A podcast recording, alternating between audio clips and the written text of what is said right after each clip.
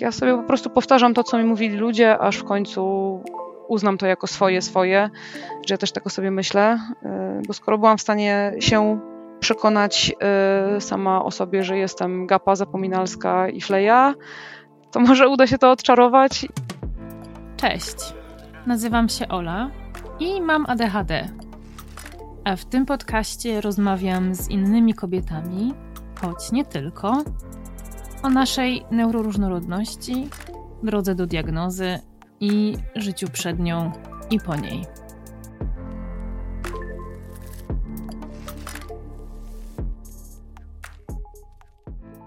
Cześć, witam Was po przerwie nieco dłuższej niż to, co sobie zakładałam. Jak się okazuje, czasami życie ma na nas trochę inne plany. Dzisiejszy wstęp będzie też trochę bardziej przyjazny dochodowym mózgom, bo postaram się zrobić to krótko i bezboleśnie. Jestem chwilowo bardzo wyrwana z mojego codziennego kontekstu. Jestem daleko od domu, a poza tym mam trochę mało przestrzeni w głowie na w zasadzie to na cokolwiek. Kilka dni temu pożegnałam bliską mi osobę i jeszcze się z tym układam. I w związku z tym myślałam sobie trochę o żałobie, bo wydaje mi się, że śmierć i żałoba to tematy trudne w ogóle, ale mam wrażenie, że one mogą być wyjątkowo trudne dla naszych neuroatypowych mózgów, które ciężko procesują zmiany w ogóle. Ale o tym pewnie kiedy indziej. Mm, natomiast temat żałoby oczywiście e, poruszamy tutaj w tej rozmowie z moją gościnią Moniką. No a kim jest Monika? Monika Wiśniewska jest nauczycielką, a w dodatku pracuje w edukacji wczesnoszkolnej, w związku z czym oczywiście nie omieszkałyśmy poruszyć tematu neuroatypowości w systemie edukacji, a jest to niewątpliwie temat rzeka. Monika, jak sama mówi, zawsze marzyła o tym, żeby zmienić świat i kiedy dostała się na studia pedagogiczne, to postanowiła, że zmieni go u podstaw, pracując z dziećmi, ucząc i wychowując przyszłe pokolenia twórców, naukowców i przywódców. No i 13 lat pracy w edukacji niewątpliwie dało jej świetny wgląd w to, jak jest, a jak mogłoby być, jak być powinno. Dzisiaj natomiast Monika kształci się też w trochę innym kierunku i ma nadzieję na to, że uda jej się w najbliższym czasie pogodzić ze sobą te dwie drogi. Poza tym z moją gościnią rozmawiamy też o tym, dlaczego mało jest zrozumienia dla neurotypowości w środowisku nauczycieli i rodziców. Mówimy o lęku przed tym, że nasze szerzenie świadomości na temat neuroróżnorodności czy ADHD może zostać odebrane jako szukanie wymówki. Gadamy o depresji, która w poważaniu ma to, że za chwilę wychodzimy za mąż, i o samoakceptacji, jaką przynosi diagnoza. Po raz kolejny poruszamy też temat szukania swojej drogi zawodowej i gotowości do zmian. No i mówimy o syndromie oszustki i o zbieraniu do koszyczka dobrych rzeczy, które inni o nas mówią, i o uczeniu się takiego mówienia o samych sobie. No i to tyle wstępu. Tak jak obiecałam, dzisiaj jest krótko, zwięźlej na temat. Mm, zostawiam Was z tą rozmową. Ja powoli zaczynam przygotowywać się do tego, że będę wracać do gry i do mojej rutyny. Także dzisiaj bez zbędnych formułek. Jeżeli lubicie ten podcast, to pewnie wiecie, co możecie zrobić. Cześć Monika. Cześć Olu. Ja zacznę. Dobra. Od tego, od czego zaczęłyśmy tak, mm, no, zanim zaczęłyśmy nagrywać, bo to, to jest, e, kurczę, chciałabym, żeby to wybrzmiało jednak e, on record. Powiedz mi, czy ty dzisiaj sobie myślisz, że twoja historia jest jakaś? Dla mnie jest, dla najbliższych też jest na pewno. Y, mhm. Myślę, że każdy jakoś mógłby się w niej odnaleźć. I wiadomo, że jeszcze się tak nie urodził, co by każdemu dogodził, w związku z czym nie każdy się w niej odnajdzie, ale myślę, że, że, że paru osobom może się zrobić troszkę lepiej, albo się przytulą, że tak powiem, do mnie w niej słuchając jej, albo tak, że, że, że odnajdą swoje też przeżycia być może w niej. To gdzie ta twoja historia się zaczyna? Od czego, od którego momentu powinnyśmy opowiadanie tej historii zacząć w takim razie? E, ponieważ to podcast atypowe, to podejrzewam, że od okolic diagnozy. ale to wcale nie było takie łatwe i proste mimo wszystko. Ja diagnozę mam krótko bardzo, bo dostałam ją w październiku zeszłego roku. Mm, a to też dlatego, że ja nigdy nie chodziłam donikąd z problemami różnymi. A było ich całkiem sporo i tak sobie myślę, że e, to też już parę razy w rozmowach z różnymi ludźmi mówiłaś o tym, e, było wspominane, że wiele z nas ma takie zapędy troszkę terapeutyczne, coachowskie, w tę stronę, nie? Więc ja zawsze się autoterapeutyzowałam, że tak powiem. Czytałam dużo książek, przepracowywałam mnóstwo rzeczy w głowie i na papierze. E, I tak, no i tak sobie mniej więcej poradziłam z tym, że jestem DDA. Mm, tak sobie próbowałam radzić z depresją, ale kiedy osiągnęłam taki stan, że już nie byłam w stanie nic czytać i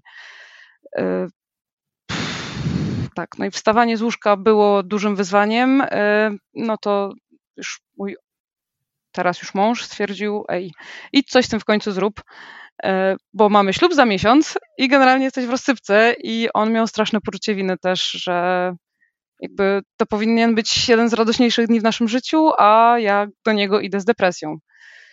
Mm. Mhm.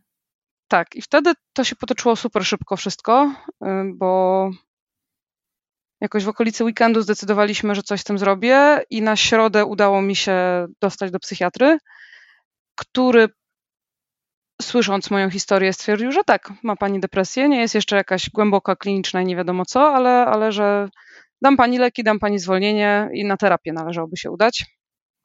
Mm. No i generalnie nie mogąc trochę spać też po lekach, yy, znalazłam sobie panią terapeutkę z dnia na dzień, dosłownie, właściwie to był czwartek, piąta rano, że na dziewiątą jest miejsce na terapię, więc zapisałam się, poszłam i już ponad rok sobie chodzę y, na moją terapię. Y, tak, i, i w czasie terapii zrozumiałam, że mam, jakby ta depresja wynika z tego, że y, straciłam poczucie sprawstwa i straciłam poczucie takiej kontroli nad sobą, nad życiem, nad. Głównie z pracą się to wiązało, bo moja praca to moja pasja, więc mhm jak tam miałam poczucie związanych rąk i nóg i, i bycia zakneblowaną, no to stwierdziłam, znaczy jakby moje ciało się zbuntowało i, i stwierdziło, dobra, dobra, y, czas się stąd wymiksować. Mm. I po pół roku mniej więcej terapii y, wpadłam w internecie na bingo ADHDowe i stwierdziłam, a przeczytam sobie, co mi tam, przecież jakby co mi się może stać. I dwa punkty tylko mi nie pasowały, bo nie miałam nigdy złych ocen w szkole, bo lubiłam się uczyć. E, no i nie miałam problemów tam z powtarzaniem klas, czy niezdawaniem, czy cokolwiek, ale jak sobie później przypomniałam, no to przecież dwóch kierunków studiów nie skończyłam, e, bo trzeba się było mówić na egzaminy, bo terminy, bo coś, e, także coś w tym jednak było. Mm, no i terapeutka stwierdziła, że jakby Łatwiejsze trochę w leczeniu jest ADHD jednak mimo wszystko niż depresja, e, bo no bo tak jest jej zdaniem e, i, i zachęciła mnie do tego, żebym poszła na diagnozę. Nawet jeżeli się okaże, że nie, e, no to no to, to się dowiem przynajmniej, że to nie to, że możemy szukać dalej, tak, mhm, że mhm. ta depresja gdzieś tam dosyć szybko sobie z nią poradziłam, nie była lekooporna ani nic takiego, więc jakby super. E, przy czym nie była też moim pierwszym epizodem, więc e, tak, teraz już jakby wiem, znam te mechanizmy różne, e, które do niej prowadzą i, i wiem, czego się spodziewać, czego unikać. A przy diagnozie ADHD też jakby słuchałam różnych jakby opowieści o tym, jak się ludzie diagnozują. I moja była typowo nietypowa. Znalazłam sobie w internecie panią psychoterapeutkę, która się specjalizuje w diagnozowaniu y, ADHD. Nawiązałam z nią kontakt, a ponieważ mieszka w Gdańsku, Poznaniu czy innym Wrocławiu, nie wiem, nie pamiętam, no to kontakt był online, tak? Dostałam diwę do mhm. wypełnienia, oddałam ją z opóźnieniem, bo tak wyszło, bo dokładnie. Po czym w czasie godzinnej rozmowy, gdzie miałam naprawdę mogłabym polecić tą panią e, terapeutkę, gdybym pamiętała, jak się nazywa, bo e, ogrom mi dała takiej psychoedukacji właśnie związanej z ADHD i z takimi moimi największymi mm. problemami typu zaczynanie zadań e, i gdzieś tam doprowadzanie rzeczy do końca. tudzież z impulsywnością. No i po godzinie zapytała, czy ja wiem, jaki, jaki jest werdykt, że tak powiem. Wiesz, no, mogę się tylko domyślać, ale wolę, żeby mi powiedziała wprost i jasno i dała na papierze jeszcze najlepiej. No i stwierdziła, że tak, jej zdaniem to jest ADHD. Potwierdziłam to u mojego psychiatry, dostałam leki yy, i Medikinet to jest magia. Yy, tak. Od, od jak dawna bierzesz yy, leki? Od lutego. Mimo tego, tak, mimo tego, że diagnozę miałam w październiku i od razu z diagnozą poszłam do, do mojego psychiatry, żeby to e, zatwierdził, potwierdził e, albo się z tym nie zgodził. E, I on mi powiedział, że on mi da leki, tylko muszę zrobić badania krwi. Więc zrobiłam mhm. je właśnie w lutym. Mhm. No tak. tak także. Ale już zaraz po badaniach do niego pojechałam, dostałam leki i, i nawet już wiem, jak ich szukać. Także, także to już jest dobrze. Tu już się czuję zaopiekowana, przy czym e, na całe szczęście dzięki terapii mam takie poczucie, że nie muszę na tych lekach być non-stop e, i że one są mhm. tylko takim wsparciem, jak dzieje się źle i jak wiem, że będzie się działo dużo. To... Mhm, mhm. Czyli nie bierzesz nie, nie, nie, tak na stałe taki, taki był początek, taką miałam umowę z panem, z panem doktorem, e, ale po miesiącu, jak weszła do tego jeszcze dysforia około miesiączkowa i, i różne takie tematy bardzo cielesne i atak paniki i taki naprawdę duży niepokój, e, no to stwierdził, mhm. że to spróbujmy inaczej, żeby właśnie brać je od przypadku do przypadku, tylko wtedy, kiedy jest potrzeba. E, mhm. A jak nie, no to, to jeszcze jakiś tam jest, jest niby jakaś alternatywa, no ale ona już trochę bardziej inwazyjna jest wtedy gdzieś tam do organizmu. Że ją faktycznie trzeba by było tak jak leki na depresję brać cały czas i, tak. E, tak. Więc stwierdziłam, że zostawimy to tak, jak jest, z tym medykinetem. I działa. Hmm. To też jest, ja o tym już wspominałam kilka razy, to jest straszna szkoda, że w Polsce jest tak mało tych leków dostępnych, że tak naprawdę jest, są tylko dwie aktywne substancje, które rzeczywiście tam e, działają. E, każda z innego worka, ale nie, nie każda z nich na każdego działa, więc to jest trochę przykre. No właśnie. No i kolejna kwestia, ile te leki kosztują. To tak. No i, i yy, jak to się mówi? Skutki uboczne. Mhm, mhm. Yy, no mnie też zabolały. Ja nigdy nie, jakby nie miałam oporu przeciwko braniom leków jako takich. Yy, znając nawet skutki uboczne, liczyłam się z tym, co się może dziać, ale no cóż, tutaj ten zwiększony niepokój i, i ataki paniki, yy, stwierdziłam, że to jest trochę za dużo jednak mimo wszystko. Ale to ciekawe, że u ciebie aż tak bardzo. Ja pamiętam, że u mnie też podbijał te kwestie lękowe Medikinet, ale to, co najbardziej u mnie zrobił złego, to depresja. O. Yy, I o tym też w ogóle się prawie nie mówi. A jak zaczęłam, jakby mój lekarz był na przykład zdziwiony, że, że, że takie, takie efekty może dawać. Natomiast jak ja zaczęłam rozmawiać z dziewczynami, to okazało się, że to jest dużo bardziej powszechne niż by się mogło wydawać. Tylko jakoś się o tym nie mówi. Nie wiem, czy to może do tego, że z jakiegoś powodu to częściej dotyczy kobiet, nie wiem, tak sobie teraz zgaduję, nie ma żadnych badań, więc. Yy no, to ciekawe, że u ciebie aż tak bardzo, w sensie, że aż do, dochodziło do ataków paniki w związku z tym. To fakt.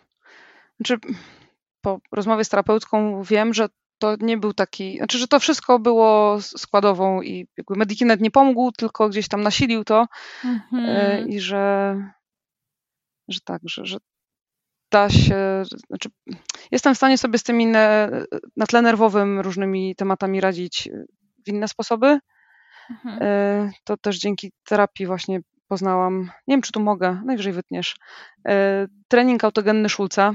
Jest mega, bo ja generalnie yoga, medytacja słyszałam o tych rzeczach, nie? że to wycisza, uspokaja i tak dalej. Nie potrafię się na tyle skupić, żeby w to wejść i mhm. dać się, że tak powiem, wyciszyć, a ten trening jest trochę do hipnozy podobny mm, i e, o tyle moja terapeutka mi to zaleciła, że ona właśnie jest też hipnoterapeutką ja dosyć łatwo wchodzę w tą jakby hipnozę i wiesz, łatwo jej się ze mną pracuje dzięki temu, ale właśnie, że ten trening e, raz, że w takich stresowych sytuacjach pomaga się wyciszyć i tak sobie odpocząć po prostu, dać ciału e, i umysłowi trochę odpocząć, ułatwia zasypianie i, i mnóstwo innych jakby pozytywnych korzyści ma.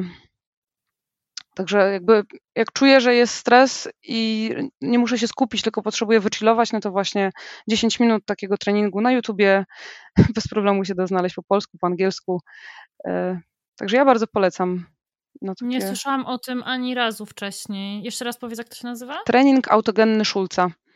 Generalnie okay. polega to na tym, że y, to jest, wydaje mi się, taka trochę medytacja jakby kierowana, może i nie, mhm. że no, człowiek mówi, tak, że zamknij oczy, połóż się wygodnie, tam oddychaj, rozluźnij ręce, rozluźnij nogi. Y, generalnie do tego się to sprowadza, tak, że takie właśnie czucie ciała i nie myślenie mhm. o niczym innym, w sensie mhm. tak. Okej, okay, muszę sobie to sprawdzić. No właśnie, to czucie ciała i odbieranie sygnałów z ciała to jest coś, co, z czym my często mamy problem chyba, nie? Oj, szalony. Jak to, jak to u ciebie z tym jest? Szalony jak głód. Jak jestem już wściekła, to mój mąż się pyta, kiedy ostatnio jadłam. Mhm. E, tak, pragnienie totalnie nie. Jak mam nalaną wodę, to ją wypiję, jak sobie nie naleję, to, to nie. E, także no tak to jest. Tak samo toaleta, jakby mój mąż stwierdził, że to jest aż za dużo, że ja prokrastynuję wyjście do toalety, tak, że gdzieś tam wszystko rozumiem, ale nie to. Ja mówię, no, no tego się nie da zrozumieć gdzieś tam, tak. Tak samo. Rozumiem, że twój mąż jest neurotypowy. W związku z tym, Wiesz co, co ja się zastanawiam nad tym troszkę, mhm. czy też gdzieś tam y, nie jest w spektrum tym ADHD-owym, y, ale on głównie prokrastynuje, że tak powiem, pracę. Mhm, mhm. Tak, więc to jakby ma kontakt z ciałem dużo lepszy niż ja, właśnie pragnienie, głód, te, tego typu rzeczy, y, czy toaleta chociażby. Mm, no ale tak, on, on jak prokrastynuje to pracę i obowiązki domowe, no ale to takie E, to niekoniecznie musi być ADHD. No tak. No tak. tak. I właśnie przy wypełnianiu e, divy też pyta się mnie, czy, czy ja chcę mieć to ADHD. Ja mówię, no ja chcę sprawdzić, czy je mam, tak? To, to nie wybiorę sobie teraz, czy, czy, chcę je mieć, czy nie chcę, chcę, chcę gdzieś tam to potwierdzić. I wa- znaczy zastanawiał się, czy ten test, ten kwestionariusz nie jest taki, że jeżeli wiem, jaki chcę osiągnąć wynik, to czy te pytania, jakby no mogę zaznaczyć to, co ja uważam, że da mi ten wynik, tak? Mhm, mhm. no ale po co? Jakby zaznaczam to, co pamiętam, że jest prawdziwe, zaznaczam to, że pamiętam, że w czwartej klasie, jak byłam skarbnikiem klasowym, zgubiłam gdzieś y, całe pieniądze klasowe, które zebrałam. O Boże, to musiało być straszne przeżycie dla takiej młodej osoby. No koszmar, w sensie no. nie pamiętam jak sobie z tym poradziłam, pamiętam tylko ten moment, kiedy były potrzebne, miałam je wziąć do szkoły i ich nie było. Tak, więc to są no, od najmłodszych lat gdzieś tam mam takie. Przy czym właśnie to ja nie byłam tym takim nadruchliwym dzieckiem. Czasem gadatliwym, owszem, ale, ale z ruchliwością dużą taką, nie miałam problemów. E, fidgetuję non-stop, tak? Teraz mam pierścionki, to się bawię pierścionkami. Chciałam powiedzieć, że nie widać. Bo to wszystko jest jakby tak... E, Pod stołem. Dokładnie. E, tutaj mam taką, na kablu mam taki, taki, taką przypinkę, że można sobie kabel przypiąć do ubrania, więc tym się teraz też bawię cały czas. No, a na lekcjach no to były długopisy, kredki zawsze, tak takie to nie, nieduże było, że gdzieś tam umykało, ale no pozwalało się skupić. E, I, I to jest też gdzieś tam w nawiązaniu. Mam takie poczucie, bo ja generalnie jestem z zawodu nauczycielką e, edukacji wczesnoszkolnej w sumie e, i magistra robiłam z edukacji integracyjnej włączającej. To totalny przypadek, oba te kierunki. E, mhm. bo na licencjat składałam na trzy różne. E, mhm. Dostałam się tylko na pedagogikę, więc tam poszłam. A później, jak szłam na magistra, to mogłam zostać tam na pedagogice i kontynuować, ale stwierdziłam, że bez sensu, bo jakby chciałam już iść do pracy, bo wszyscy moi znajomi już gdzieś tam coś tam robili e, i chciałam. Co jeszcze chciałam robić? No i nie chciałam kontynuować tego, bo miałam takie poczucie, że jak zostanę jeszcze na dwa lata w tym samym, to te uprawnienia już mam, mogę już pracować z dzieciakami w klasach 1-3, mogę uczyć angielskiego w klasach 1-3, chcę robić coś jeszcze. Mhm. Y, I znalazłam sobie darmowe studia zaoczne, bo płaciła za nie Unia Europejska. Y, no i to było właśnie edukacja integracyjna i włączająca, czyli mogę pracować z dzieciakami z niepełnosprawnościami przeróżnymi. O ADHD też tam była mowa na tych studiach, i o autyzmie, mhm. i o no, mnóstwie innych rzeczy, tak. Wtedy kompletnie nic do siebie nie wzięłam. No bo to było o dzieciach, nie? No tak, to już, już, już nie o mnie na pewno. Zwłaszcza, że mam wrażenie, że wtedy jeszcze pokutowało takie troszkę, że, że z autyzmu można, nie z autyzmu, z ADHD można wyrosnąć. Mm -hmm. e, także gdzieś tam do 18 roku życia te objawy są takie właśnie silne, a później to już tam sobie ludzie jakoś radzą. Z dnia na dzień. Tak, mm. i nie ma. Kończysz 18 lat, czy dostajesz dowód, czy coś, nie tak wiem, wypijasz pierwsze piwo i przechodzi. Dokładnie. Także, e, no właśnie.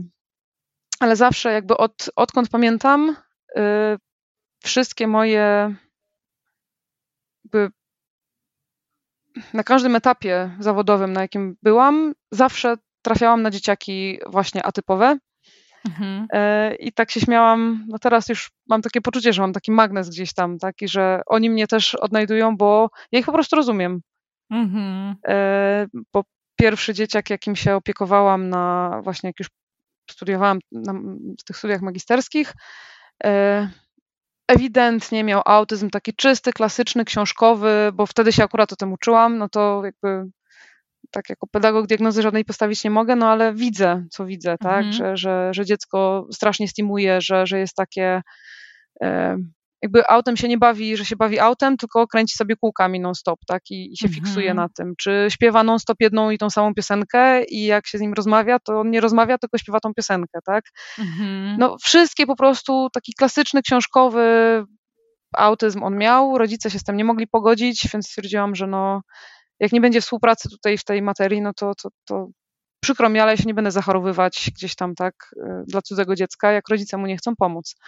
Mhm. Y, tak, w kolejnej... Ale rodzice, poczekaj, mhm. chcę jeszcze dopytać, rodzice nie chcieli w ogóle uznać tego, że dziecko ma autyzm i nie poszli w ogóle po diagnozę? Czy, czy, tak, czy, tak, czy tak, tak, tak. Bo on jest mały, bo to był czterolatek, mhm. Przełomie czterech i pięciu lat bo on jest mały jeszcze, bo mu się ta piosenka podoba, mm. bo te kółka się tak fajnie kręcą. To, że on pił mm. mleko z butelki ze smoczka i tylko z jednej ulubionej przed snem, tak, żadna inna nie wchodziła w grę, to jakby ich totalnie nie, nie interesowało, tak, czy to, że miał taką szaloną wybiórczość pokarmową. Jakby mm. wszystkie sygnały, tak, wszystko mi mówiło, że no jemu jest potrzebna pomoc po prostu, tak, więcej y, gdzieś tam wsparcia, nie tylko jakaś tam pani dochodząca. Y. Kurczę, wiesz co, to co opowiadasz teraz, y, ja słyszałam takie historie. Mam, e, moja przyjaciółka e, pracuje w przedszkolu i e, ona właśnie między innymi dzięki, dzięki temu, że ja gdzieś tam zaczęłam ten temat poruszać w naszych rozmowach, zaczęła się doedukowywać i zwracać większą uwagę na to. I ona mówi, że bardzo często jest tak, że jest ogromny opór właśnie ze strony rodziców, że już ci nauczyciele zaczyna się ta świadomość poszerzać i, i, i zaczynają coraz więcej wiedzieć. Natomiast mm. rodzice, jak tylko słyszą nawet czasami nie trzeba tego nazywać, ale jeżeli gdzieś tam, wiesz, nauczyciel próbuje zwrócić uwagę, to natychmiast jest, wiesz, absolutnie nie.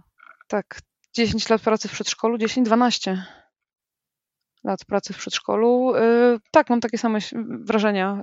Y, jedni rodzice mojego pierwszego z takiej mojej grupy, gdzie byłam wychowawcą, tak, y, to nie ja, tylko nauczyciel wcześniejszy jeszcze, bo ja tam przyszłam, jak oni mieli lat cztery, więc nauczyciel, który miał ich w trzylatkach, zasugerował, żeby może właśnie jednego chłopca poszli z nim po prostu do poradni psychologiczno-pedagogicznej, bo odstaje od rówieśników, żeby mm -hmm. zobaczyć, co tam się dzieje, tak? Może to jest jakiś -hmm. niedosłuch, czy cokolwiek, tak?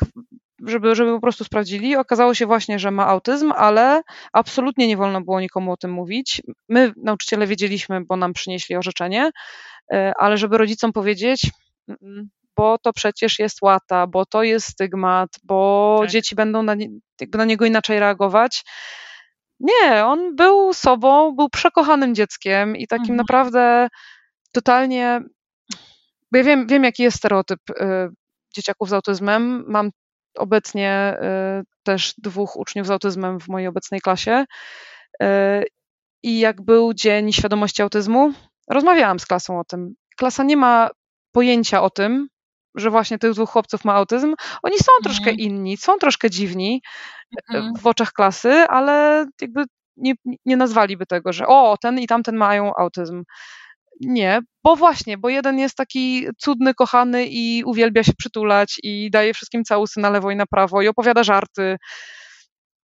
A ten drugi też jest jakby spoko kolegą i, i fajnie się bawi w berka i coś tam i, i nic nikomu nigdy nie zniszczyli, więc no nie mogą mieć autyzmu, tak? Bo autyzm to są ci tacy mhm. rozwrzeszczeni, co to niszczą i i agresywni, tacy, tak. często niepełnosprawni intelektualnie. I jeszcze ci, co nie mówią najlepiej. Tak, tak, tak. To się zdarza, wiadomo, bo to jest spektrum, tak? No ale yy, tak.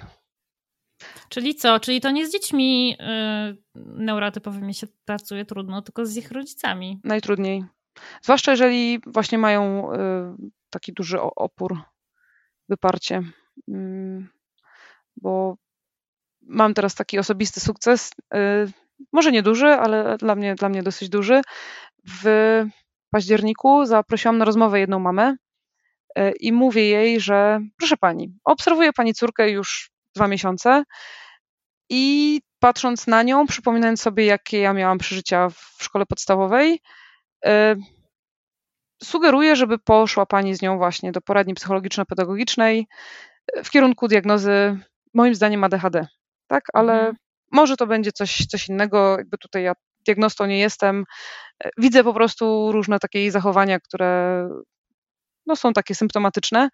E, I właśnie ze dwa czy trzy dni temu przyszła do mnie ta mama i mówi, że jeszcze z psychiatrą nie mieli spotkania, żeby to ostatecznie, ostatecznie oficjalnie potwierdzić, no ale że wszyscy psychologowie, z którymi rozmawiali i tam inni specjaliści też są tego zdania, że jej córka ma ADHD i że, że się mama cieszy, że to wyczaiłam tak wcześnie, bo ja po diagnozie miałam trochę takiego żalu, tak, że wiem dopiero teraz, że całe życie byłam ta fleja, ta zapominalska, ta niezdara, ta yy, no mnóstwo pejoratywnych określeń, tak. Mhm. Słyszałam najpierw od rodziców, czasem od nauczycieli, od rówieśników, od starszych yy, kuzynów, bo swojego rodzeństwa nie mam y, sama od siebie w końcu, no bo to przecież się nas drukowuje, tak, więc y, to czy głowy nie zapomnisz, to jest jakby też standard, standardowe i, i nadal to słyszę w szkole, y, co mnie boli i mówię, że no nie, nie zapomnimy, bo jest przymocowana, a całą resztę możemy zapomnieć, nie jest aż taka ważna, nie? Gdzieś tam, hmm. no, dzieci to też są tylko dzieci, umówmy się, tak, więc jakby Mam wrażenie, że połowa mojej klasy powinna iść na diagnozę jakąś, ale to jest w ogóle in, inna sprawa. E, tak, no i, i, i, gdybyśmy byli wcześniej diagnozowani, przynajmniej jak gdybym była wcześniej zdiagnozowana, no to być może nie miałabym tej depresji tyle razy w życiu. Nie miałabym takich stanów, tak, że jestem, w ogóle się do niczego nie nadaję, że, że znowu nawaliłam, że. Mhm tak, no bo to no bo to tak to po prostu jest, no nie, nie zmienię tego, jak działa mój mózg. Po prostu na lekach działa troszkę, troszkę inaczej, troszkę lepiej, troszkę bardziej typowo, że tak powiem. E, ale mimo wszystko mam wrażenie, że tak jak ja mniej więcej wiem, jak te neurotypowe mózgi mogą działać dzięki lekom, tak mam wrażenie, że w drugą stronę to już tak nie działa, nie? że no niewiele jest nauczycieli, którzy się otwarcie przyznają, że są neuro, neuro różnorodni, że tak powiem. Mm -hmm. Z jedną taką rozmawiałam zaraz po diagnozie i mówi, ty, ale ja też tak mam. I w sumie to mi się tak z nią dobrze rozmawia, nie? Tak, mam taki dobry vibe od niej. E, no to może też gdzieś tam idź po diagnozę, może coś tam ci to też w życiu pomoże. Nie, tam już za stara jestem, coś tam. Dobra, no jak chcesz ale że generalnie właśnie ci, ci neurotypowi, zwłaszcza jakby nauczyciele, no nie rozumieją, jaki to jest problem usiąść do papierów, że mimo tego, że ja to robię naprawdę już 12 lat, to że za każdym razem ten kolejny papier jest dla mnie od nowa wyzwaniem. Mhm. E, I, I że to, że ja się już zgłosiłam gdzieś tam na jakąś wycieczkę impulsywnie, no ja pojadę, no, bo jestem odpowiedzialnym człowiekiem, ale, ale jest to ból, nie? Jest to gdzieś tam ukupione dużym takim e, tak, stresem, wysiłkiem. I teraz już coraz lepiej wiem, jak sobie z tym radzić i, i sama się uczę mówić nie.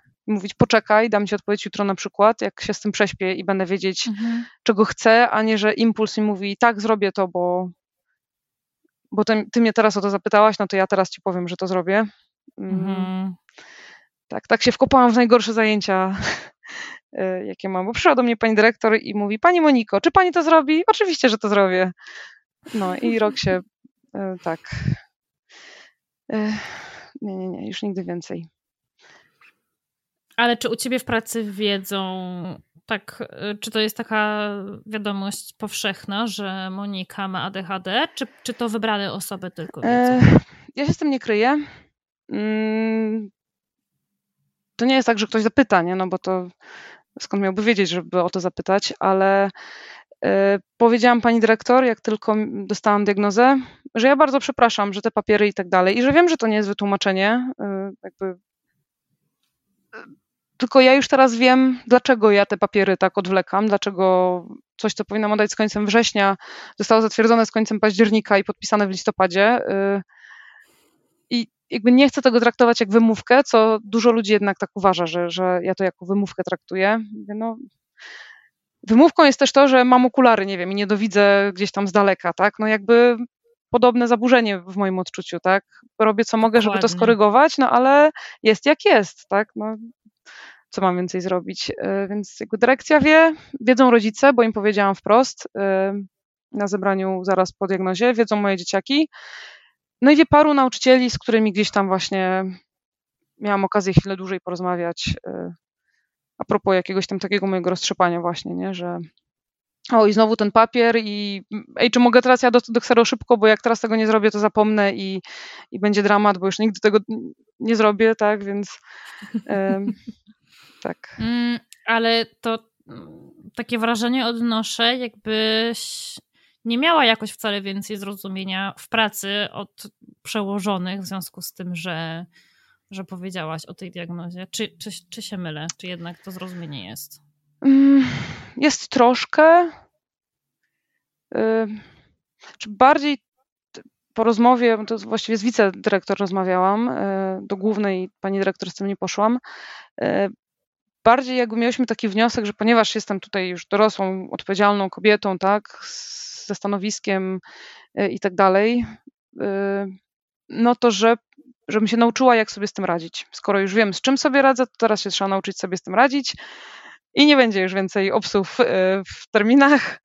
Okay. Tak, no i w sumie to mi się nie zdarzały już te obsługi takie, więc mhm. wyciągnęłam wnioski i robię wszystko o tyle wcześniej, żeby, żeby nie mieć po prostu tych obsług, bo też nie lubię.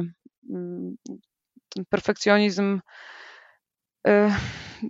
istnieje e, i tak jak byłam teraz w e, komisji na egzaminie ósmoklasistów e, i przy angielskim zwłaszcza mówiłam im, że przy każdym przedmiocie piszcie cokolwiek, nie zostawiajcie nigdy pustej dziury, nie zostawiajcie nigdy odpowiedzi ABC bez zaznaczenia czegokolwiek, bo punktów ujemnych za to nie ma, nie? A, tak. a zawsze może coś się trafi.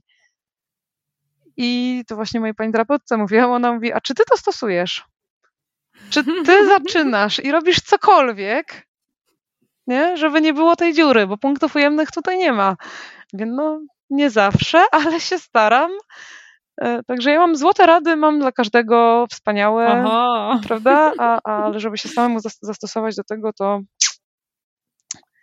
e, uczę się. Uczę się. To jest w ogóle, tak o tym wspomniałaś, ale to jest, to jest naprawdę złota rada ADHD bo my często mamy problem ogromny z zaczynaniem czegokolwiek, bo nas przerasta w ogóle wizja tego zadania, bo nie wiemy, jak duże jest to, albo może być to zadanie, ale jak się okazuje, że jak sobie powiemy, jak sobie nie narzucamy natychmiast, że musimy to zadanie skończyć, tylko jeżeli mamy do wykonania rozpoczęcie, mhm. To bardzo często w ogóle kończymy to fakt. tego samego dnia. To prawda. Tylko właśnie trzeba, trzeba zacząć, trzeba trzeba się przysiąść do tego, że tak powiem. Wydaje mi się, że miałaś taką rozmowę już właśnie, że któraś twoja gościni mówiła, że ustawia sobie timer na 5 minut, jak pyknie, to, to jedzie dalej, a jak nie pyknie, no to przynajmniej ma zaczęte i może wrócić już tak. do czegoś, co ma zaczęte. I to jest właśnie wspaniała rada. Też to zaczęłam stosować po tej rozmowie mniej więcej. E, I, I, tak samo z dzieciakami na lekcji robię. Jakby zaczęłam z nimi stosować system. Nie wiem, czy to jest jakby nazwa e, aplikacji, czy to jest nazwa systemu jako takiego, no ale że generalnie po 25 minutach jest 5 minut przerwy. Pomodoro to się nazywa. To, no właśnie, mam taką aplikację, ale nie wiem, czy to jest e, mhm, tak. To się to jest nazwa techniki. O właśnie, no więc z dzieciakami na lekcji też tak zaczęłam robić, bo stwierdziłam, że skoro jakby ja się potrzebuję skupić na 25 minut, to zobaczymy, ile przez 25 minut dadzą radę zrobić moje siedmiolatki, tak? No bo mhm. i działa to perfekcyjnie. Oni mając świadomość tego, że mamy 25 minut, a potem będzie przerwa, są tak skupieni, tak totalnie turbo skupieni, dlatego ja uwielbiam skrócone lekcje, bo jakby jestem w stanie przerobić cały materiał, a jak mamy taką normalną lekcję, to a tu jeszcze o czymś porozmawiamy, a tu mhm. gdzieś jakaś dygresja do dygresji i stąd też jakby mam poczucie, że jeszcze te dwie dziewczynki y, mogłam z rodzicami porozmawiać o diagnozie, bo y, ale to właśnie z, może niekoniecznie ADHD, ale właśnie takie dygresje do dygresji i opowieści dziwnej treści y, niby na temat, ale jednak Mhm. No. Także. Czy powiedz mi, czy Twoja praca jest Twoją pasją? Tak. Moja praca jest moją pasją zdecydowanie. Uwielbiam pracę z ludźmi, z dzieciakami. Aczkolwiek. Yy... No właśnie, i to jest też takie ADHDowo, nie ADHDowe. Ja nie lubię zmian z jednej strony, a z drugiej strony mm, boję się ich po prostu trochę, a z drugiej mhm. strony męczy mnie rutyna. Mhm. Tak, więc y, praca w edukacji dla mnie jest o tyle idealna, że za każdym razem mam coś nowego. Każdy, jakby ostatnie moje miejsce pracy to było 8 lat u tego samego pracodawcy i to się wydaje dużo, tak z takiej ADHD-owej perspektywy zwłaszcza, ale ja każdy rok miałam inny, totalnie. Y, I nawet jeżeli miałam y, dwa lata z rzędu tą samą grupę, no to ten pierwszy rok to była dla mnie nowość, no bo to były nowe dzieci i, i oni mieli wtedy lat pięć i jakby od nowa się trzeba było wszystkiego nauczyć, a później pamiętam, jak oni mieli lat sześć e, i od września stwierdziłam, że żeby zrobić coś jeszcze ekstra, jeszcze wow, to rozpisałam cały, bo ja byłam wtedy tylko nauczycielem angielskiego, mm, wychowawcą, ale anglojęzycznym, e, więc miałam trochę inny program jakby do nauczania, tak, bo jak miałam uczyć angielskiego, a nie jakby takiej tej edukacji przedszkolnej z tym przygotowaniem do szkoły. Mhm. Więc nie obowiązywały mnie żadne podręczniki ani nic takiego y, i stworzyłam mój program autorski wtedy dla nich. Y, I jak go zaczęliśmy we wrześniu realizować, to ja miałam takie poczucie, że wow, to jest właśnie to, czuję, że żyję, czuję, że robię to, co kocham i, i potem przyszła pandemia. Także e, tak, dosyć szybko mi się to skończyło, no ale e, ale tak, bardzo, bardzo lubię to robić. Aczkolwiek mam takie wrażenie, że najbardziej w tej pracy lubię budować relacje. E, że mam tą swoją grupę, tak jak e, taka pierwsza moja praca zarobkowa to były, mm, poza tym chłopcem, u którego byłam w sumie krótko, mm, to byłam lektorem angielskiego tylko. E, I niby codziennie miałam kontakt z tymi dzieciakami, bo to było przedszkole językowo-artystyczne, mm, no ale nie byłam ich wychowawcą i miałam z nimi tylko tam od 10 do minut do, do 30 minut w sumie. No i to był tylko angielski, tak? Więc tam na budowanie relacji za dużo, za dużo przestrzeni nie było i ja mhm. pamiętam, że tam trochę taka toksyczna atmosfera była. Nie wszyscy wychowawcy mi się podobali w podejściu do dzieci, że tak powiem. Mm, ja średnio raz na dwa miesiące żaliłam się wszystkim, że ja już stamtąd odejdę. Ja już, ja już nie, to, to jest mój ostatni miesiąc tam i dwa lata tam wytrwałam. Cały magister tak naprawdę tam tak przesiedziałam tam. Mm. Tak, no ale, ale było to dużym cierpieniem też okupione. Y, a tak, no to właśnie, właśnie te relacje. No i tak. To co, co z tą zajawką, Monika? Co to za zajawka? Bo ja czekam i czekasz, czekam. Czekasz. Bo ja generalnie y, nie lubię się przepracowywać, nie? W sensie a kto tak, lubi? Po prostu. No, no, właśnie, są tacy, co lubią, nie? Znaczy może nie, nie, że lubią, ale gdzieś tam i pracoholizm też nie jest, y, myślę, wyborem niczyim, tylko y, się zdarza. Ja pracocholikiem absolutnie nie jestem. I generalnie tak się śmieję, że, że tutaj zmniejszam swój czas pracy skutecznie, sukcesywnie, bo w poprzedniej pracy gdzieś tam wywalczyliśmy 7-godzinny dzień pracy. Teraz w edukacji, że tak powiem, państwowej mam jeszcze mniej, no bo tam jest w sumie mam 22 godziny w tygodniu, e, wszystkiego razem, no to e, to jest bardzo niedużo, e, ale mm, od jakiegoś czasu chodziło mi po głowie zostanie właśnie psychoterapeutą. Jak sporej części z nas, nawet jedne z tych studiów, których nie skończyłam, to była psychologia.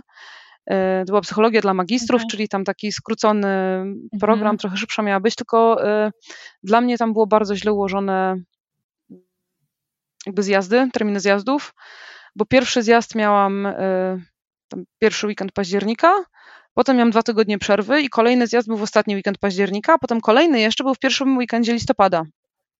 I mhm. to było nie do przeskoczenia dla mnie. W grudniu stwierdziłam, że no po prostu nie da się tak, bo co z tego, że mam te dwa tygodnie gdzieś tam Y, wolnego, jak później jest z tygodnia na tydzień i ci wykładowcy wcale nie patrzą na to, że to był tylko tydzień, swoje trzeba przeczytać, swoje trzeba przepisać, y, a jeszcze jak się ma pracę na etat, y, no nie dźwignęłam. Mm. Strasznie żałowałam później, no ale stwierdziłam, że tak miało być. No ale ta psychoterapia. Chodziła za mną, składałam papiery do różnych szkół, ale bez praktyki w żadnym gabinecie, no nikt mnie nie chciał przyjąć do szkoły psychoterapii. E, chociaż w Polsce to nie jest bardzo uregulowane i jako pedagog z wykształcenia mogłabym być też psychoterapeutą. E, no i właśnie przyszedł taki czas, że porozmawiałam z moją psychoterapeutką o tym, że, że mi się tak marzy, że właśnie lubię rozmawiać z ludźmi, lubię nawiązywać tą relację i gdzieś tam um, ich wspierać, lubię też. I zapytała się mnie moja pani terapeutka, czy słyszałam kiedyś o terapii neurotaktylnej. Nie słyszałam. E, więc e, pokrótce mi wyjaśniła. E, ja sobie jeszcze o tym poczytałam, poszłam na pierwszy kurs i wsiąkłam, przepadłam. Mm, stwierdziłam, że tak, to jest coś, co ja chcę robić. To tym będę, jak już będę dorosła. tak, a polega to na tym, że spotykam się z człowiekiem, rozmawiam sobie z nim właśnie, jaki ma problem, z czym do mnie przychodzi, tak, z czym potrzebuję sobie e, poradzić. Potem go kładę na stół i daję mu coś na kształt masażu. Tylko to nie jest taki masaż e, mięśni ani stawów, ani z takiego, tak jak u fizjoterapeuty czy u masażysty, tylko to jest kontakt z ciałem przez dotyk, kontakt właściwie z układem nerwowym przez dotyk. Mhm. E, I brzmi trochę jak czary mary. I zazwyczaj jak ludziom o tym opowiadam, to jest takie, ale w ogóle ej, nie no, to do fizjoterapeuty się idzie albo do masażysty, co ty mi tu opowiadasz, jakieś tutaj nowe magie, ale jak już kogoś położę na stół, to potem jest takie, a kiedy masz czas, a kiedy mogę wpaść, e, bo no bo to działa, bo, bo to wycisza faktycznie ten układ nerwowy, bo się lepiej śpi, bo się można skupić. I na razie robiłam to tylko, że tak powiem, moim dorosłym znajomym. Generalnie to jest przeznaczone dla dzieci i ja widzę jakby w tym ogromny potencjał też tak, do pracy z dziećmi, bo to nie jest tak, że jak się dziecku powie usiądź prosto, tutaj przypisuj z tablicy, tak, cicho sieć i tak no właśnie. nie, to, to nie działa. A to często nie działa dlatego, że układ nerwowy po prostu jest jeszcze nie gotowy, niedojrzały. E, czy są jakieś takie nieprzepracowane rzeczy w ciele, z którymi można sobie poradzić. E, I, I właśnie w taki sposób bym chciała zacząć pomagać i dzieciakom, ale też tak sobie myślę, że i dorosłym, bo dorosłym też się należy trochę odpoczynku, takiego spa emocjonalnego. O. Mm, a nie wszyscy mają, mm, jak to się mówi, może nie, że odwagę, e, a może trochę odwagę, tak żeby iść i porozmawiać faktycznie, tak, że tu mhm. mnie to dręczy, to męczy, z tym sobie nie mogę poradzić. Łatwiej trochę powiedzieć, że mamy ostatnio dużo stresu w pracy. No tak. dobra, to zdejmę z ciebie, znaczy pomogę ci zdjąć ten stres, tak, gdzieś tam. E, no i potem po prostu leżysz i nic nie mówisz, ja tylko oddycham głośno, żebyś ty też oddychała i e, no i ludzie do mnie wracają, że im faktycznie to pomaga i że chcą jeszcze. No dobra, bo zaintrygowałaś mhm. mnie. To czym w takim razie, jeszcze raz jak to się nazywa, terapia neuro... Neurotaktylna. Neurotaktylna. Tak. Jak te, czym terapia neurotaktylna różni się od tego masażu albo od wizyty u fizjoterapeuty w takim razie? Yy, wiesz co? No, główne założenie jest takie, że ja docieram do układu nerwowego jako takiego i pracuję z odruchami yy, takimi jeszcze z okresu dziecięcego.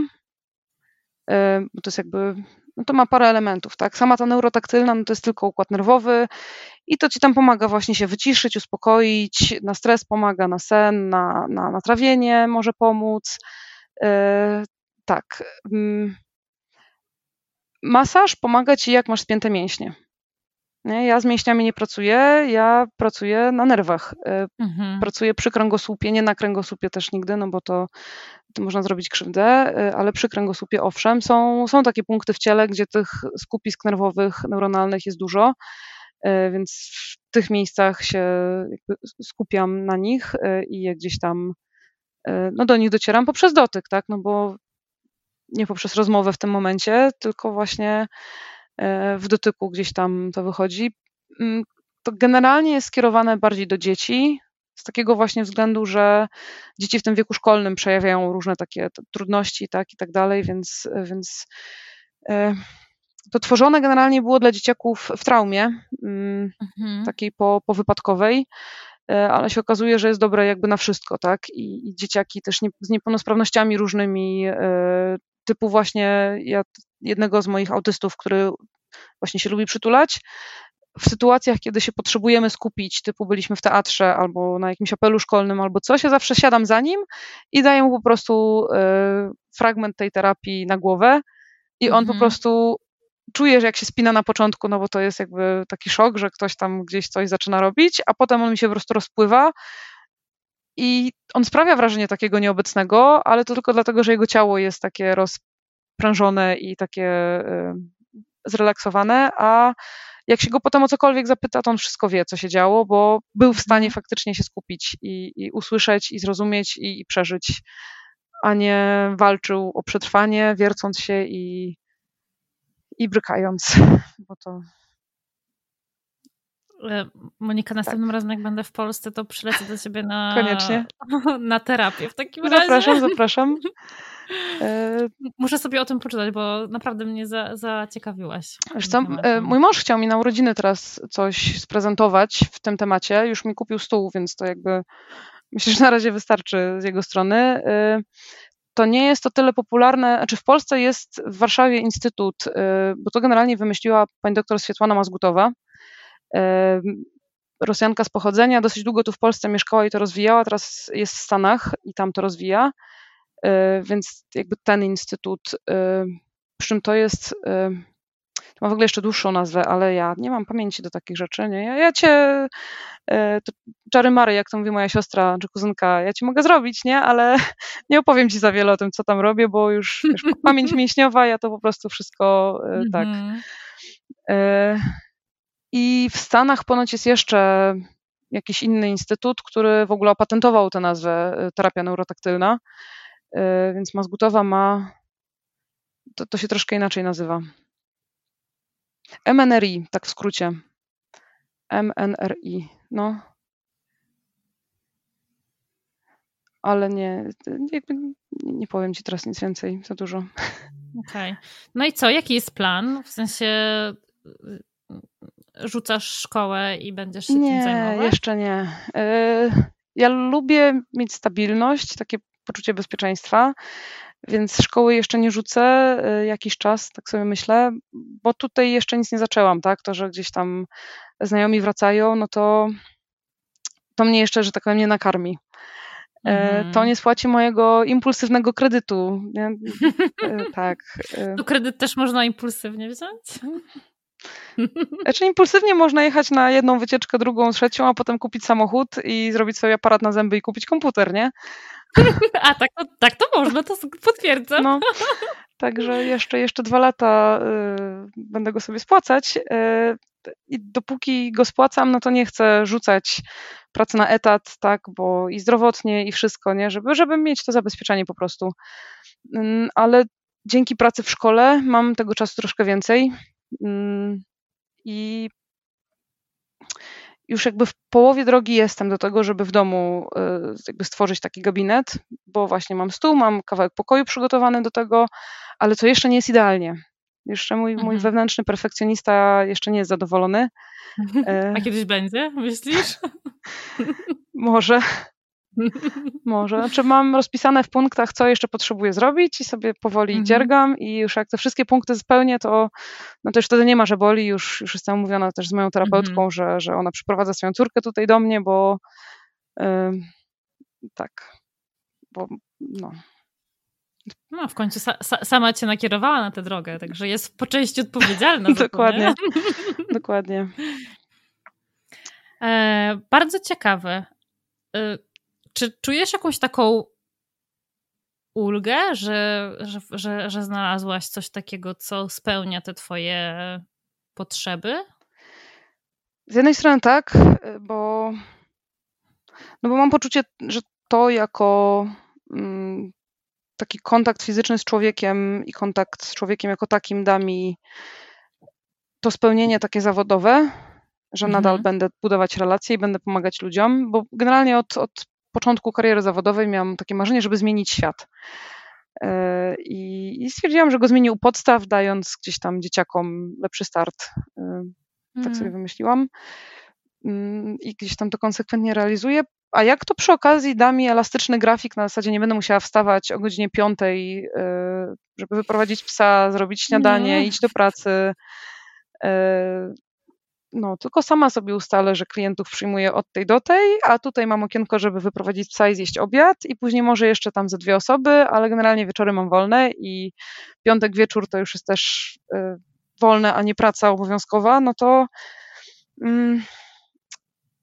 jakby świadomość tego gdzieś tam jest bardzo y, ciesząca i kusząca i wydaje mi się, że też mnie przeraża troszkę y, mhm. fakt, że znaczy mam dużą wiarę też w tą metodę, że ona faktycznie działa i, i taki feedback dostaję od ludzi, którzy nie musieli mi tego mówić, tak? Bo to mhm.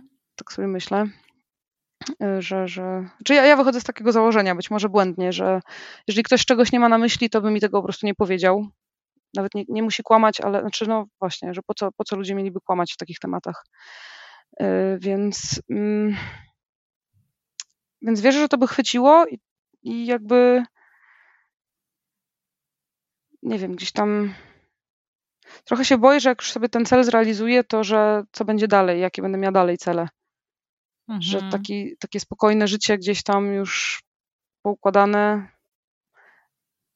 że nie wiem, czy mi będzie wystarczało, ale jakby Jakie to jest w ogóle nasze, to takie martwienie się, jeszcze nawet nie doszły, jest, nawet jeszcze nie jesteśmy w połowie drogi nie. do zrealizowania tego celu, ale my już myślimy o tym, co będzie Jak się później. Skończy, dokładnie. Także. A co na to wszystko twój syndrom oszusta, powiedz? Oj, straszny jest. Jakby począwszy od, znaczy ja miałam go zawsze, zawsze, zawsze na każdym etapie e, w pracy poprzedniej właśnie, gdzie byłam tym wychowawcą anglojęzycznym, na każdym kroku czekałam tylko, aż ktoś mi wytknie, ale twój angielski wcale nie jest aż taki dobry, ale ty nie masz takiego dobrego kontaktu z dziećmi, ale jakby nie, twoje metody są złe. I gdzieś tam nie wydarzyło się to nigdy przez te 8, 10, 12 lat.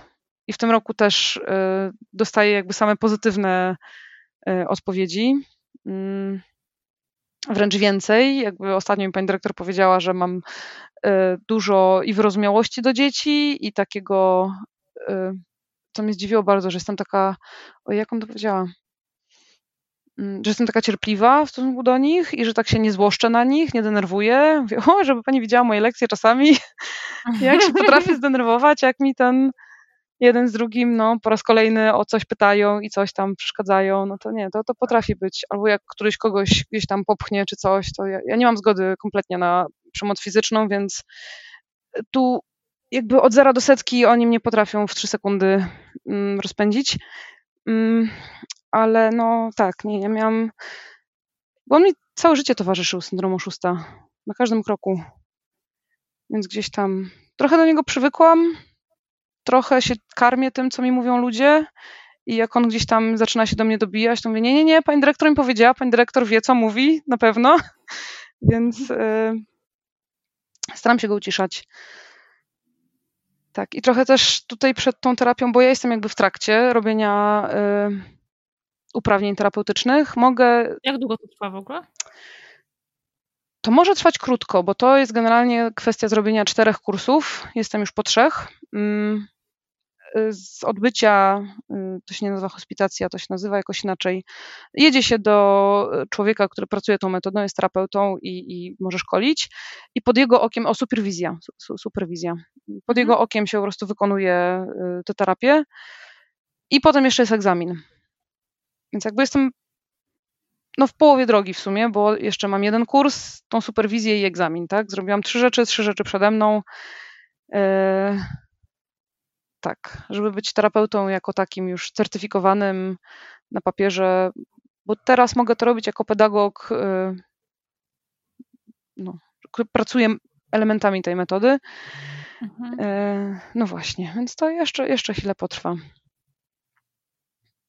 I ponieważ, ponieważ pani prowadząca te nasze zajęcia też mówiła, że ona czuje, że ja wiem, co robię, no to stwierdziłam, że jak ona czuje, że ja wiem, co robię, no to znaczy, że wiem, co robię i już i nie będę w to wątpić.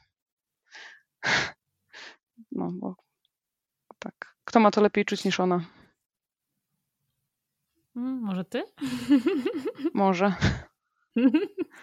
Ja tak zapytałam cię o tego, o, o tego oszusta, mm. o ten syndrom oszusta, syndrom oszustki w sumie, bo to była jedna z tych rzeczy, które napisałaś w, twojej, w swojej wiadomości do mnie, że Możliwe. Czasami, czasami słuchając moich rozmów z innymi dziewczynami, miałaś wrażenie, że my to mamy tak wszystko poukładane, a ty gdzieś tam jeszcze jesteś daleko w tyle. Mm. Ja się zastanawiam, bo kurczę, coraz częściej ten temat do mnie wraca. Ja się teraz zastanawiam, wiesz, jak to rozpakować, bo mm, wcale nie jest tak, że mamy, mamy wszystko tak poukładane i, i tak mamy poogarniane te życia, że, że w ogóle nic nam nie trzeba do szczęścia. Ale rzeczywiście to może tak wyglądać, nie? Bo, bo, bo tutaj pokazujemy jakąś tam jedną, jedną stronę tego wszystkiego.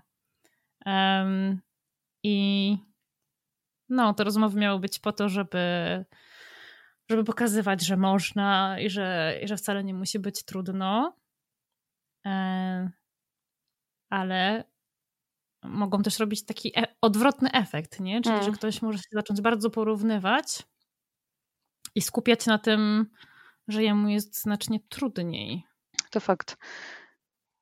To fakt. Na jakim ty jesteś etapie w, w, w, tym ogarnianiu swojego ADHD? Czy, czy to nadal się zmienia, że są takie dni, że czujesz, że jest że już jest dobrze, a potem przychodzi gorszy dzień i, i tracisz wiarę?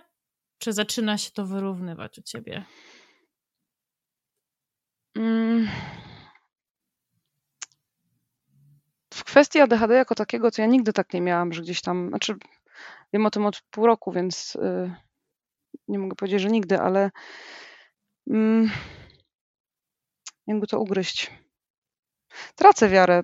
Często bardzo tracę wiarę, ale bardziej w to, że no, znaczy przychodzą do mnie takie myśli, tak, że, że, że się nie, nada, nie nadaje po prostu do różnych rzeczy, tak, do mhm. teraz do bycia wychowawcą, do, no, do tej terapii, tak, że, że może ja sobie tylko to uroiłam wszystko i gdzieś tam próbuję światło szukać. Często są te myśli. No teraz wiem, że one są związane z ADHD i gdzieś tam E, zbieram sobie do koszyczka to wszystko dobre, co ludzie do mnie mówią, bo ja sama do siebie jeszcze nie mam za dużo dobrych słów. Tak, no ale. ale po... A jak zbierasz? Jak to zbierasz do, do tego koszyczka? Bo ja myślę, że to jest ciekawe i ważne w sumie. E,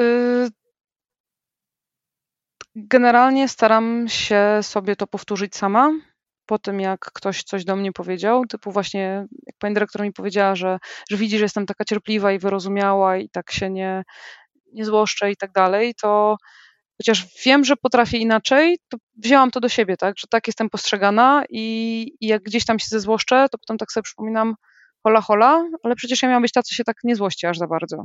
Dobra, trzy głębokie wdechy i lecimy dalej. I trochę mniej tej złości i gdzieś tam bardziej na pogadaniu na przykład rozwiązujemy temat niż na y, złoszczeniu się i, i gdzieś tam jakimś krzyku na przykład, bo y, tak, bo, bo we mnie jest bardzo dużo gniewu, generalnie, tak życiowo.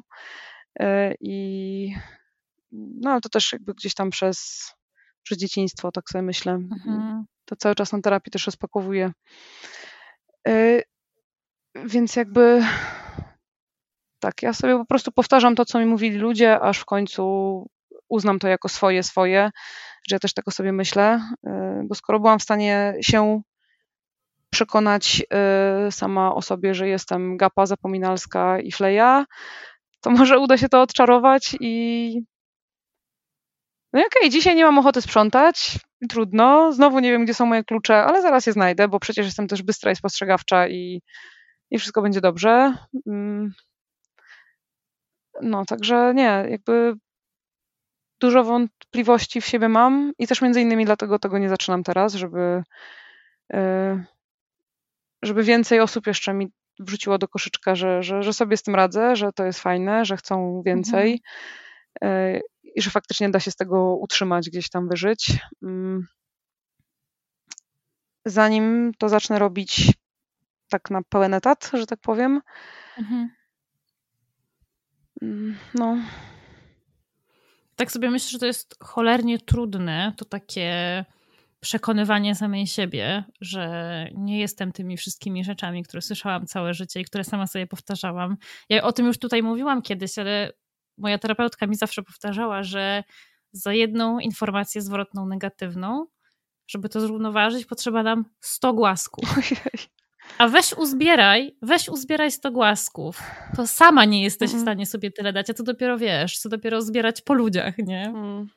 Mm. Mm, więc takie odczarowanie tego i odbudowanie tego poczucia wartości to jest tak długi proces, że no, nie jest to łatwe. Nie jest to łatwe. Zwłaszcza jak się tak późno zaczyna, nie? Fakt, jak już masz takie doświadczenie w dokopywaniu sobie, to nagle się go pozbyć i zacząć się głaskać, to jest naprawdę ciężka praca. I potem nie mieć do siebie pretensji jeszcze o to, że się sobie dokopało, tylko właśnie się pogłaskać, że no nie, to jest, to jest naprawdę długie i trudne. I dlatego właśnie staram się wyłapywać też te dzieciaki, e, które mhm.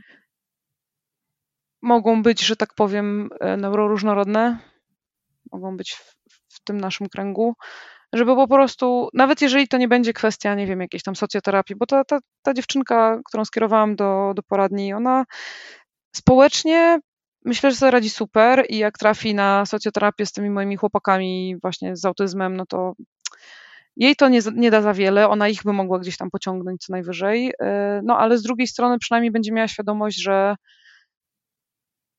że to nie jest tak, że ona jest jakaś, ona ma, ma tak, no ona ma ADHD po prostu, tak? I mhm. tak jak nie wiem, jak człowiek nie dowidzi i zakłada okulary, no to się nie mówi o nim, nie wiem, że znaczy no, są różne tam przezwiska, tak, nie wiem, że, że ślepy, czy że cokolwiek, no ale no łatwiej to zrozumieć po prostu, tak, że, że, że mam wadę wzroku i potrzebuję jakiegoś tam wsparcia i wiem, gdzie go szukać. E, tak samo mam ADHD i potrzebuję wsparcia i wiem, gdzie go szukać, niż mieć świadomość, jakimś jest złym, niedobrym człowiekiem, bezwartościowym, bo to tam, to siamto, bo jakiś tam termin niedotrzymany, bo znowu jakieś rzeczy pogubione, czy bo impulsywnie się człowiek na coś zgodził, czy bo ma kredyt na bardzo dużo pieniędzy, bo, bo postanowił pożyć troszkę, mając lat dwadzieścia parę. No. Ja wiesz co, teraz mi tak przyszła do głowy taka jedna rzecz i jakby nie wiem, bo jeszcze tego sobie nie rozpakowałam, ale dzisiaj mi się pojawiła taka, taka kwestia w ogóle na Instagramie, co ciekawe, jak zwykle. Um, obserwuję taką e, zagraniczną coachnię ADHD, która e, jakiś czas temu zaczęła dostawać bardzo dużo negatywnych komentarzy pod swoimi postami. I dzisiaj nagrała rolkę o tym, w takiej, odpo takiej odpowiedzi na te, na te komentarze. I ona zauważyła, że bardzo dużo tych negatywnych komentarzy dostawała od mężczyzn, którzy zostali zdiagnozowani z ADHD jako dzieci. O. Wiesz, wiele, wiele lat temu. Um, I ona podniosła taki ważny temat, to znaczy, że zauważyła w nich dużo takiej jakiejś zinternalizowanej, takiej nienawiści w ogóle do samych siebie, ze względu na to, że tych wiele lat temu ADHD było tak bardzo stygmatyzowane, mm. że co z tego, że ci chłopcy dostali te diagnozy i mogli, wiesz, dostać pomoc w postaci leczenia farmakologicznego i może terapii i innych narzędzi, jak w tamtych czasach ADHD było, wiesz, widziane jako ta dolegli choroba, mm. dolegliwość niegrzecznych chłopców. Pamiętam kiedyś I... chłopca na szelkach, na smyczy. No e, właśnie i to było to, to, to, więc ja sobie myślę, jakby do, do, czego, do czego piję? Myślę sobie, że z tym przy tym przy tej takiej rosnącej świadomości wszystkich związanej z tym, że trzeba udzielać pomocy jak najszybciej się da, musi iść rosnąca świadomość społeczeństwa i malejąca stygmatyzacja mm. związana z ADHD i z autyzmem. Bo jeżeli te rzeczy nie będą szły razem w tym samym kierunku, to właśnie skończy się tak jak w przypadku tych dorosłych dzisiaj mężczyzn, nie? którzy będą się bardzo nienawidzić za to, że byli tymi niegrzecznymi chłopcami. To fakt. No ale to jest właśnie kwestia, miałam cały czas takie poczucie, że kwestia środowiska też w, jakie, w jakim byli, tak, bo no ja się śmieję do rodziców y, jakby tych moich uczniów i oni też się śmieją razem ze mną, że jakby ci uczniowie, ja mam naprawdę klasę bardzo specyficzną i mam oprócz dwóch autystyków mam dwóch ADHD-owców i właśnie jeszcze tą dziewczynkę w czasie diagnozy i jeszcze parę opinii z poradni psychologiczno-pedagogicznej, tak, więc jakby jest tam całkiem pokaźny zbiór y, różnych osobowości. Y, no ja się śmieję, że, że ja ich rozumiem po prostu i są nauczyciele, y, głównie od świetlicy, którzy mówią, czemu tej mu uwag nie wstawiasz, coś tam. Ja mówię, co, co mu ta uwaga da? Mhm. Co mu ona da, tak? Że będzie miał na piśmie potwierdzone, że się zachował nie tak, jak potrzeba? Jak masz potrzebę, to mu napisz tą uwagę. Ja wolę z nim porozmawiać, tak? Czy on widzi, że on się niewłaściwie zachował, mhm. czy wie, mhm. jak może się zachować inaczej. Wolę go czegoś nauczyć w tej sytuacji, a nie tylko mu wstawiać uwagę, bo, bo co? Jakby ja nie potrzebuję mm. mieć na piśmie tego jeszcze potwierdzonego. Wolę zauważyć zachowanie, które jest nie takie, jakie być powinno i gdzieś tam jakieś wnioski z tej sytuacji wyciągnąć, a nie tylko o, masz uwagę i, i brać sobie z tym, tak? I co teraz, nie? No właśnie, jak twoim zdaniem jest z tą świadomością wśród y, nauczycieli, głównie nauczycielek w zasadzie, bo to bardzo sfeminizowany zawód jest? I jeszcze jest za niska moim zdaniem.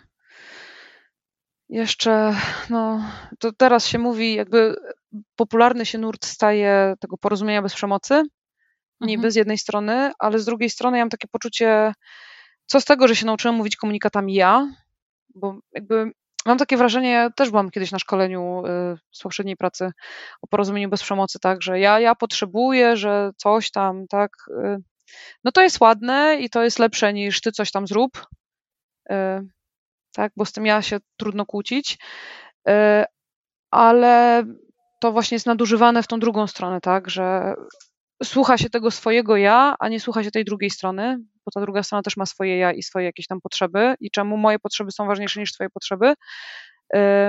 To z jednej strony, a z drugiej strony no właśnie jakby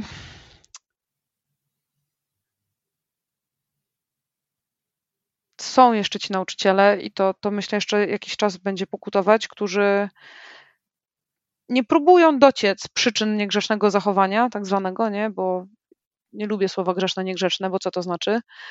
E, tylko właśnie jesteś niegrzeczny, dostajesz uwagę i z głowy.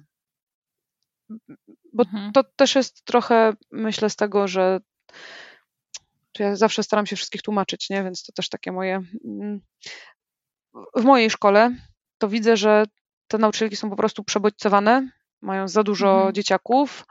E, warunki pracy też mają takie, że mogłyby być lepsze, bo ma jakby architekt, który projektował świetlicę naszą szkolną, powinien iść siedzieć co najwyżej, znaczy co, co jakby naprawdę, w sensie zrobił taką saunę, takie akwarium, że strasznie współczuję ludziom, którzy muszą tam przybywać dłużej niż pół godziny, e, zwłaszcza latem, bo, no bo jest po prostu to trudne, więc mając świadomość tego, jak przebodźcowanie może wpływać nie, na funkcjonowanie człowieka, trochę je rozumiem, że próbują sobie radzić, jakby idą po linii najmniejszego oporu. Także mhm.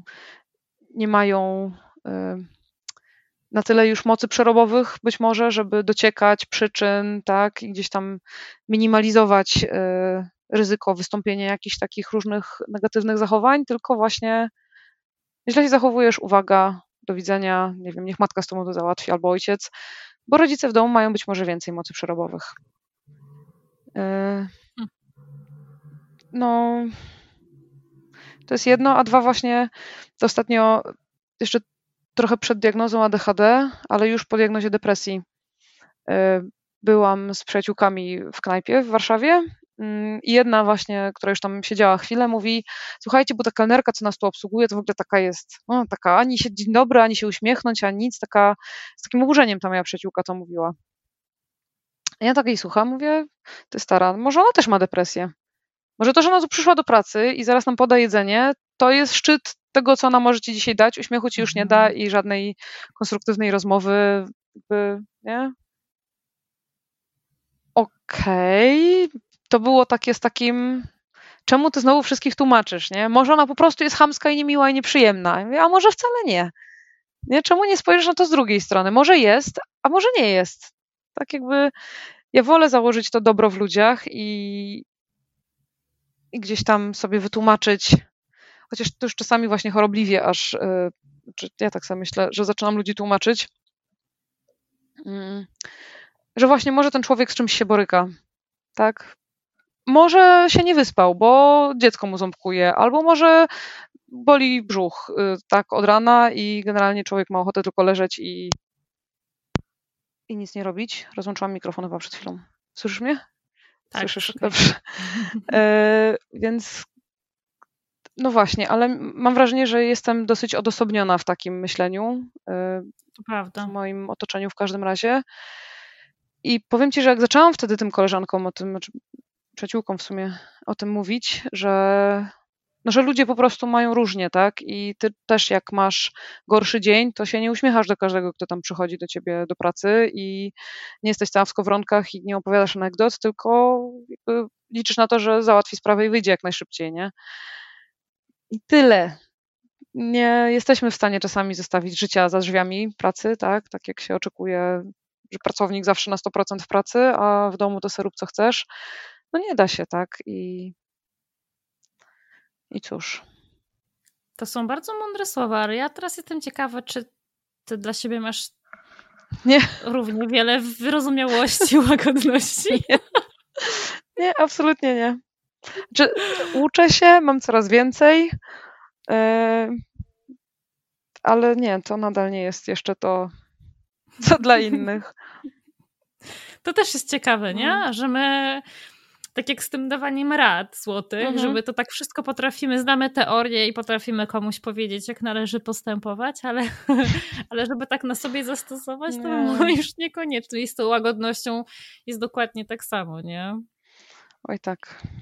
Ale to no to co, co próbujesz robić, żeby, żeby być dla siebie łagodniejszą? I, I w ogóle, czy ta diagnoza faktycznie ci w tym pomogła, tak jak pomaga w tym wielu innym kobietom? Myślę, że tak, y, bo, no bo teraz mam jedno określenie na to wszystko, bo teraz wiem, że to jest ADHD. Teraz wiem, że to nie jest. Znaczy lenistwo swoją drogą, ale to się gdzieś tam też trochę łączy, przeplata. Y, I ja już teraz staram się nie nazywać tego lenistwem, tylko to jest po prostu obrona zasobów, czy gdzieś tam regeneracja. Tak? Nie, nie muszę mieć w tym momencie posprzątanych, nie wiem, naczyń ze stołu po śniadaniu. Jak postoją sobie do wieczora, aż będę ładować zmywarkę, to też mi się nic nie stanie, tak? Tyle. Yy, więc gdzieś tam. Tak, to, że, że, że wiem, że to jest to, a nie te wszystkie negatywne słowa, no to, to dużo mi w życiu ułatwiło. I to, że jakby moja terapeutka też wie, jak z tym pracować yy, mhm. i gdzie które tematy ugryźć, które gdzieś tam wykopać głębiej, a które już można podlewać, żeby kiełkowały. No. I też mam ostatnio taki system motywacyjny sobie zrobiłam, e, bo czuję, że potrzebuję, tak jak dzieciaki w szkole łakną ocen różnych, e, gdzie też się wszyscy nauczyciele na mnie patrzą, mówią, czemu te wszystkie szóstki stawiasz? Nie, nie, są też piątki, są też czwórki, ale czemu nigdy nic niżej? Najniżej u mnie to jest minus, nie? Nie ma, jakby nic poniżej 4 minus nie wstawiłam nigdy, znaczy w tej mojej pierwszej klasie. Mówię, bo po co? Generalnie, no to są oceny opisowe na koniec na świadectwie, a mhm. tak, dzieciak starał się, próbował, wykazywał się. E, jeżeli mu bardzo nie wyszło, no to no dostał tego minusa, żeby wiedział, że ma co poprawiać, ale jeżeli poprawi, to ja mu zawsze wstawiam tą ocenę jakąś tam tak z minusem, no ale, ale wstawiam raczej z tych dobrych niż, niż takich gorszych, bo ja uważam, że motywacja zewnętrzna jest koszmarna yy, i, i nie powinno się dzieciaków robić takich zewnątrz sterownych, żeby wszystko robiły za coś, za ocenę, za pieniądze, za... Znaczy wiadomo, że to też jest ważne gdzieś tam te pieniądze w życiu, nie? No ale no ale żeby też potrafiły czerpać radość z tego, co robią, dlatego, że to robią, a nie dlatego, że ktoś im za to zapłaci na przykład w jakiś sposób, tak? E, tylko, że ja już mm, sama siebie wewnątrz, zewnątrz sterownie teraz traktuję i za wszystkie ciepłe słowa wobec siebie i za wszystkie rady, których użyłam sama, e, wpłacam sobie pieniądze na takie moje subkonto, z którego potem sobie wyleję i sobie kupię coś fajnego. O. Właśnie chciałam Cię zapytać o to, jak sama siebie nagradzasz i oceniasz, nie? W, w, tym sensie właśnie oceniania, w sensie nagradzania, bo to jest, to jest mega ważne, zwłaszcza dla takich mózgów jak nasze. Tak, tak, tak. Nagroda musi być. Musi być, więc już mam upatrzoną na razie. Y, pierwsza będzie bańka chińska, zobaczymy, czy coś mi z tego wyjdzie. Takiego, no, automasażu, bo najgorsze właśnie w tej mojej terapii jest to, że ja mam parę technik, które mogę sama na sobie zastosować, ale generalnie to musiałabym do kogoś jechać, żeby mi ktoś to zrobił, nie? A mhm. najbliżsi ludzie są po drugiej stronie Warszawy, gdzie czasami, nie wiem, dolecieć do Londynu byłoby mi prościej niż y, przejechać na tą drugą stronę Warszawy. Y, bo tak niestety to nasze miasto funkcjonuje. Y, w każdym razie no i tak stwierdziłam, że sobie najpierw kupię bańkę, bańkę chińską, i bo słyszałam, że to jest dobre na właśnie y, no, na takie rozluźnienie trochę ciała. No, takie detale, drobiazgi. No bo chciałam, hmm. chciałam się antymotywować, bo też taki słyszałam różne, nie? że jak nie zrobię czegoś w terminie albo coś tam, to że wpłacę jakieś pieniądze na fundację totalnie nie, niezgodną z moimi przekonaniami, ale stwierdziłam, że, że nie, nie lubię anty motywacji, mhm. więc, więc została ta pozytywna taka, no dzisiaj się udało, to piąteczka wpada na konto, coraz bliżej do tej banieczki, zobaczymy. To jest fajny, to jest fajny sposób, taka, taka skarbonka, bo ja cały czas szukam, powiem ci, takiej nagrody, takiej drobnej nagrody, hmm. która by na mnie rzeczywiście działała motywująco. Próbowałam już różnych rzeczy, ale to wszystko było takie codzienne. To wszystko było takie, że co z tego, że ja sobie w nagrodę pójdę do mojej ulubionej knajpy, jak ja sobie do tej ulubionej knajpy mogę iść kiedy chcę. Tak czy siak, no. Co z tego, że nie wiem, że sobie kupię loda, na którego miałam ochotę, jak ja mogę tego loda i tak sobie mm. kupić, nie? Ale to, taka, to takie odkładanie na jakiś konkretny cel, ale takie, żeby to jakoś fizycznie można było widać ten postęp, mm -hmm. nie? Że, że jest coraz bliżej. To jest super, to jest super motyw, nie pomyślałam o tym. Proszę jak, uprzejmie. E, muszę sobie właśnie, dziękuję bardzo, zapisuję sobie leci do mojej, do mojej, do mojej skarbonki pomysłów na, na nagrody. Ekstra. Mm, ta twoja terapeutka, rozumiem, ogarnia kwestie ADHD-owe. Tak, ona sama mi powiedziała, jak jej wspomniałam o tym, że ona ADHD jako takiego nie ma, ale to ADD z deficytami uwagi to, to być może, nie diagnozowała się nigdy sama, ale ale czuję, że mnie rozumie i że gdzieś tam mhm. y, tak, czuję, czuję tą nić porozumienia między nami. Um, a ja jestem jeszcze ciekawa takiej rzeczy. Mhm. Jak ty tak pracujesz sobie z tymi dziećmi, takie obserwujesz i mm, masz wiedzę na temat neuroróżnorodności i, i też ją poszerzasz, czy ty masz wrażenie, że te szacunki obecne to są raczej przeszacowane czy niedoszacowane, jeśli chodzi o, bo różnie się mówi, nie? ale generalnie te, te, ten, te procenty reprezentacji e, osób autystycznych i ADHD-owych są dosyć niskie, jak się spojrzy, tak jak to się uśredni. Jak ty to widzisz, jak patrzysz na te swoje klasy? Szczerze, y, mhm. to w moim odczuciu, takim osobistym, personalnym, nie powinno istnieć coś y, jak typowe i atypowe, mhm. E, tylko po prostu różnorodne, bo mhm.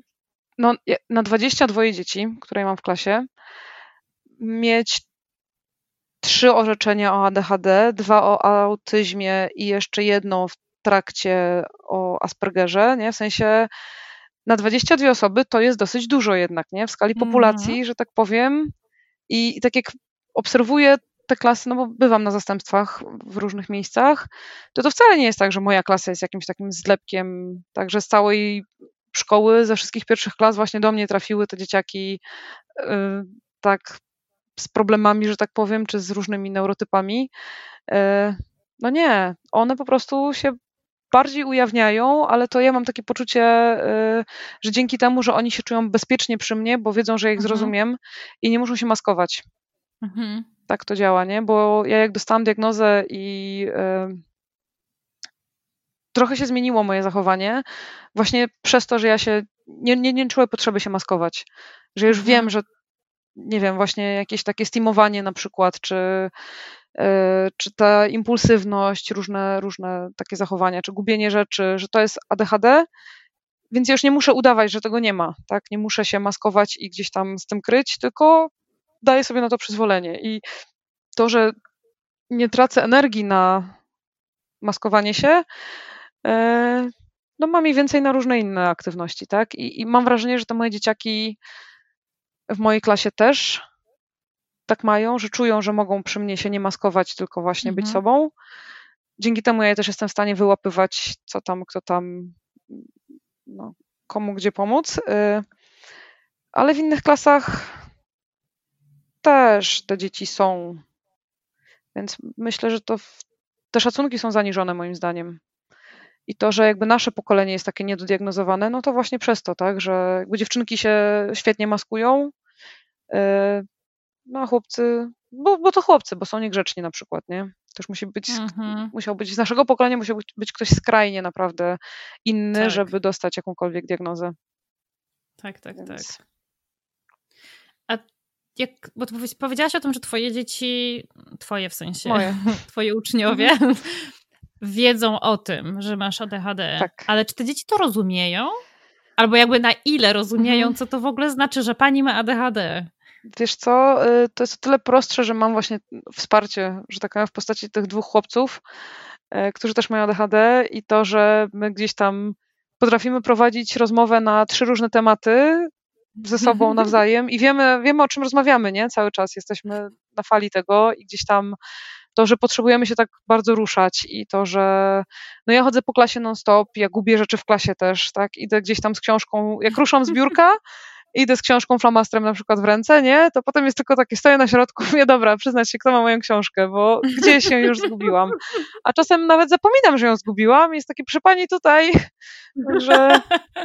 Więc pod tym względem myślę, że to rozumieją, tak? I, i, i widzą też to, że ja to rozumiem, że e, ta właśnie moja koleżanka dechadówka, że tak powiem, klasowa, e, codziennie przychodziła bez podręcznika. Ja mówię, no spra- tu sprawdzałyśmy, tam sprawdzałyśmy, w szufladzie, w takim tam segregatorku nie ma, plec- w plecaku nie ma, gdzieś tam nie ma. Okazało się, że było w plecaku, tylko w takiej kieszonce totalnie z tyłu, nie? gdzie się w ogóle nie zagląda. Mm. I ona miała tę książkę cały czas ze sobą, tylko że nie mogła jej znaleźć. I codziennie do mnie z tym przychodziła i codziennie ja jej pożyczałam ten mój podręcznik, a potem ona codziennie pytała, to na której stronie otwieramy. Ja jej codziennie odpowiadałam, nie wiem, bo to ty masz mój podręcznik. E, więc no to takie, tak, takie sytuacje. To, to wtedy to mi dało taki sygnał hola hola, warto się temu przyjrzeć, nie? Gdzieś tam mm -hmm, głębiej. Mm -hmm.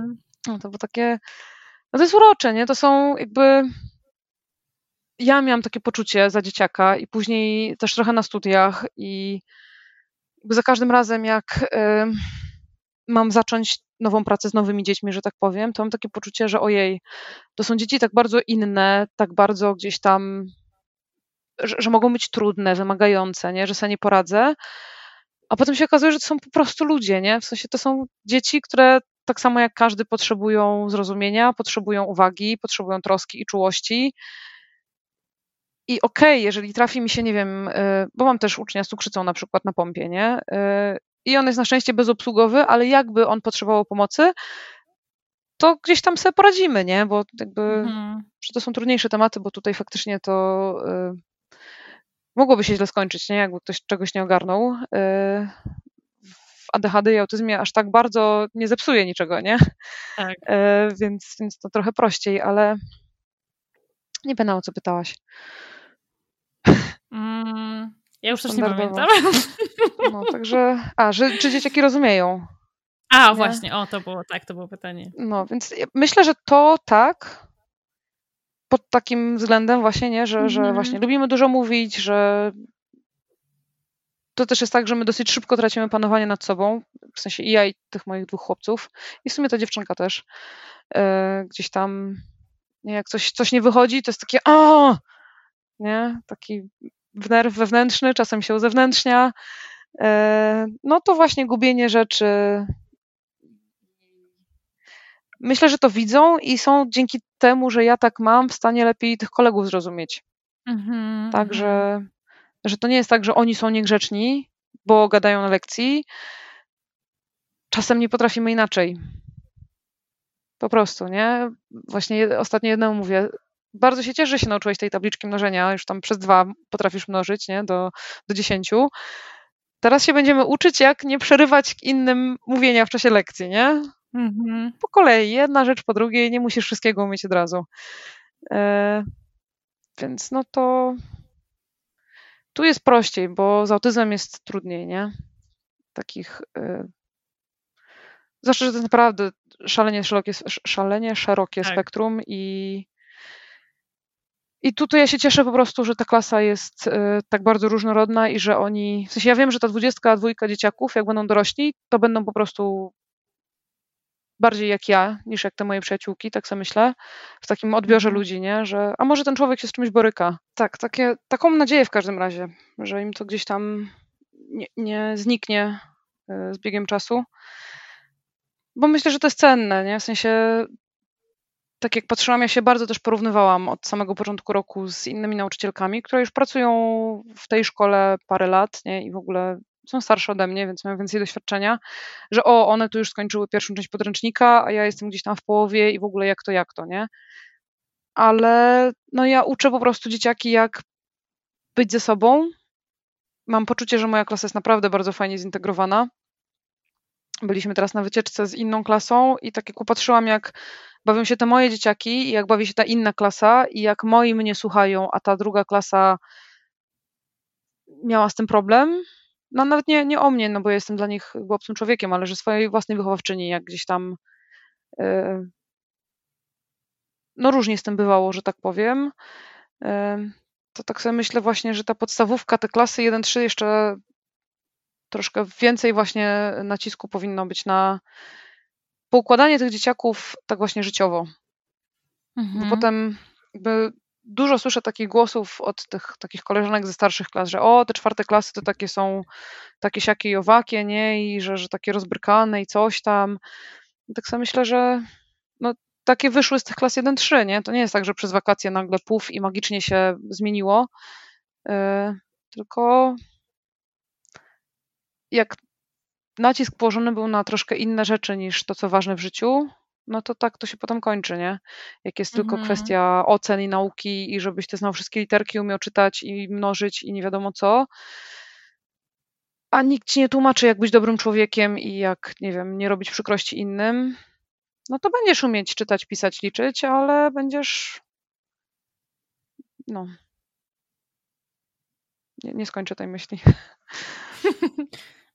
To tak, jak ją urwałaś, tak w dobrym miejscu. No. To ja mam w związku z tym do ciebie standardowe pytanie. Tak. Standardowe pytanie na koniec. Tak. Ale, bo ciekawi mnie ta twoja perspektywa właśnie nauczycielskiej. Oso co? Co? Jak ja w ogóle... Twoja perspektywa nauczycielska. O, mhm. to, to, chciałam powiedzieć. Jestem nauczycielską osobą, no. E, ale jesteś nauczycielką, tak. jakby, okej. Okay. E, tak, twoja perspektywa nauczycielska mnie interesuje w tym wszystkim. Mm, co chciałabyś, żeby ludzie wiedzieli o tej neuroatypowości? Przede wszystkim, że to nie jest kwestia wyboru. Nie, bo jakby mam wybór, czy pójdę po diagnozę i to nazwę oficjalnie, będę miała na to papier, czy nie. E, mam wybór, ale czasami nie mam wyboru na to, jak się zachowam w danej sytuacji. W sensie, czy ja teraz wybuchnę gniewem i zacznę krzyczeć i tupać, czy zamknę się w sobie, czy bluzgnę, nie, czy cokolwiek. E, to czasami nie jest kwestia wyboru, mm, bo to po prostu jest w nas, nie? I, i gdzieś tam słucham sobie Twojego podcastu i czasami sobie polemizuję w głowie właśnie z Twoimi rozmówczyniami, które mówią, że e, to nie jestem ja, tylko ADHD, czy tam gdzieś takie, że, że jest takie roz, rozróżnienie, nie? że, mhm. że ja, ja, mam jakieś swoje cechy, a ADHD coś tam, że to jest tak jakby oddzielne zupełnie, nie? Dla mnie jakby moje ADHD jest częścią mnie, jakby integralną i bez niego nie byłoby mnie. E, no, bez mnie ADHD by istniało nadal, ale jakby ja bez ADHD byłam, by, byłabym zupełnie inną osobą, nie? Czy, czy to naz mhm. nazwiemy, czy nie nazwiemy.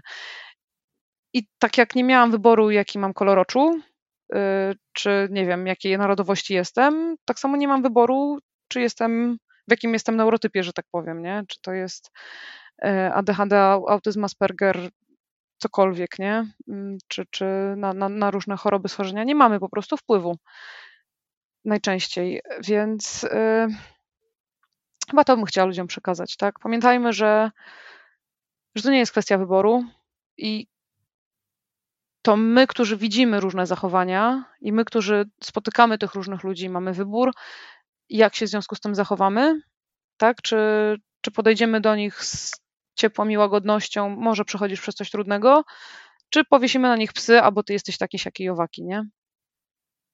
Więc ja tak sobie myślę, troszkę więcej łagodności dla siebie miejmy nawzajem i siebie samych, samych, bo no... Czyli co? Empatia. Empatia. Czysto klasycznie. Jednym słowem. Mm. Dzięki Ci bardzo, Monika. Ja Ci też, Olu, dziękuję. Cieszę się, że mogłyśmy sobie pogadać o tych kwestiach, bo tak sobie myślę, że rozmawiałam o tym trochę z Anetą Korecińską, ale, ale tak dopełniłaś tej rozmowy, mam wrażenie. Cieszę się. Cieszę się bardzo. Mam nadzieję, że ktoś y, poczuje się nie sam, że tak powiem. Poczuje się też y, usłyszany i zauważony no. Amen. dzięki Ci ogromne za to, co robisz w ogóle w internecie, bo to jest naprawdę super. I szacun, że to trwa już tyle czasu. E, to czasami się zastanawiam sama, jak to możliwe, ale to też, to też wszystko dzięki Wam, więc e, no, jesteście częścią tej społeczności, więc no. To, to brawo tak. my. Brawo my, brawo my. Tak możemy skończyć. Tak.